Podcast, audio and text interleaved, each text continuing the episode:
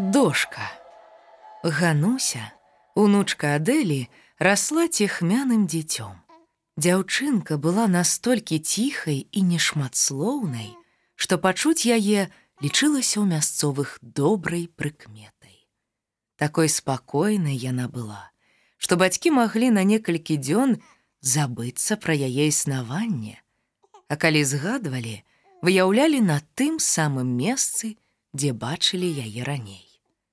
Здавалася, ўнутры ганусі або зусім пуста, або наадварот, прарасло мноства вельмі складаных лабірынтаў. Але як рэдка выдавала гукі, пагатоў глухія, то імаверна ўсё ж была поўная. Яе густыя цёмныя вочы ахіналі таямніцай, а маленькія ручкі падманвалі далікатнасцю дзяўчынку аднагодкі асцерагаліся, як незнаёмай цемры, у якую можна праваліцца, або з якой можа нешта з'явіцца, а дарослых яна здзіўляла не менш, чым месяц у лобе быка. Ніхто не ведаў навошта, але аднойчы млынар падараваў ёй жменю мукі, якую змалоў не толькі з зерня, але і костак чорнага пеўня, кары старога дуба і заморскага гарэха. Млынар той праглынуў язык і нікому ні слова, ні погляду не дарыў. Не кажучы ўжо пра большае. Толькі ў потай бабы бачылі, як ён раздае кулачкі мукі вятрам.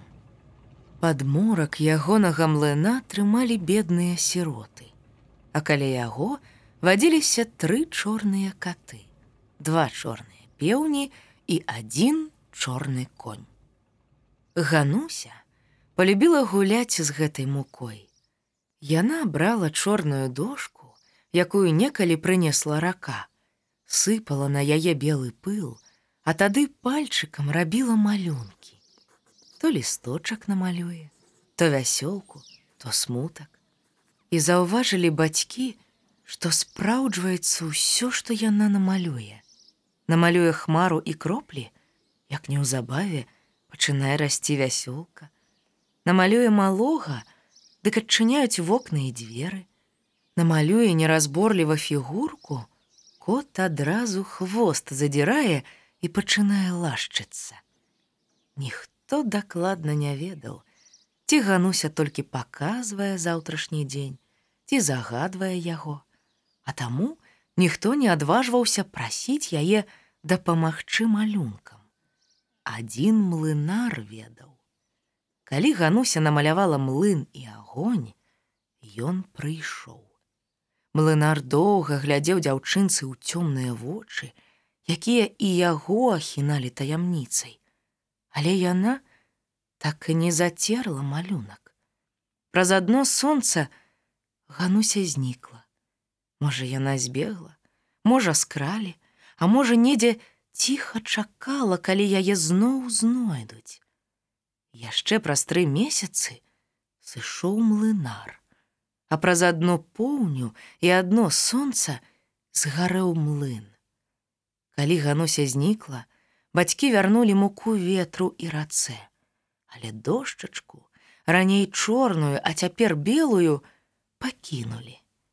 Затым яны паклалі сабе на грудзі квадратны камень, кіслінку ў рот, павекі наблізілі да зямлі, а на галаве далі прыстанак крумкачам. Любімае дрэва дзяўчынкі, у цені якога яна плёскалася і якое ёй напявала добрыя гісторыі сваіх братоў і сясцёр, паклала лісце ўніз. Галінкі абнялі ствол, а карані пусціліся далей на пошукі ганусі. Яно не квітнела девять сотняў начэй. А калі заквітнела і пусціла сок, нарадзілася дзяўчынка. Маленькая выглядала гэтаксама як гануся. быццам яна і была, толькі дужа гучная і шматслоўная, такая гучная, што яе маўчанне мясцовыя лічылі, добрай прыкметай. Варта было бацькам міргнуць, як яна была ўжо ў іншым месцы. Яе светлыя вочы свяціліся таямніцай.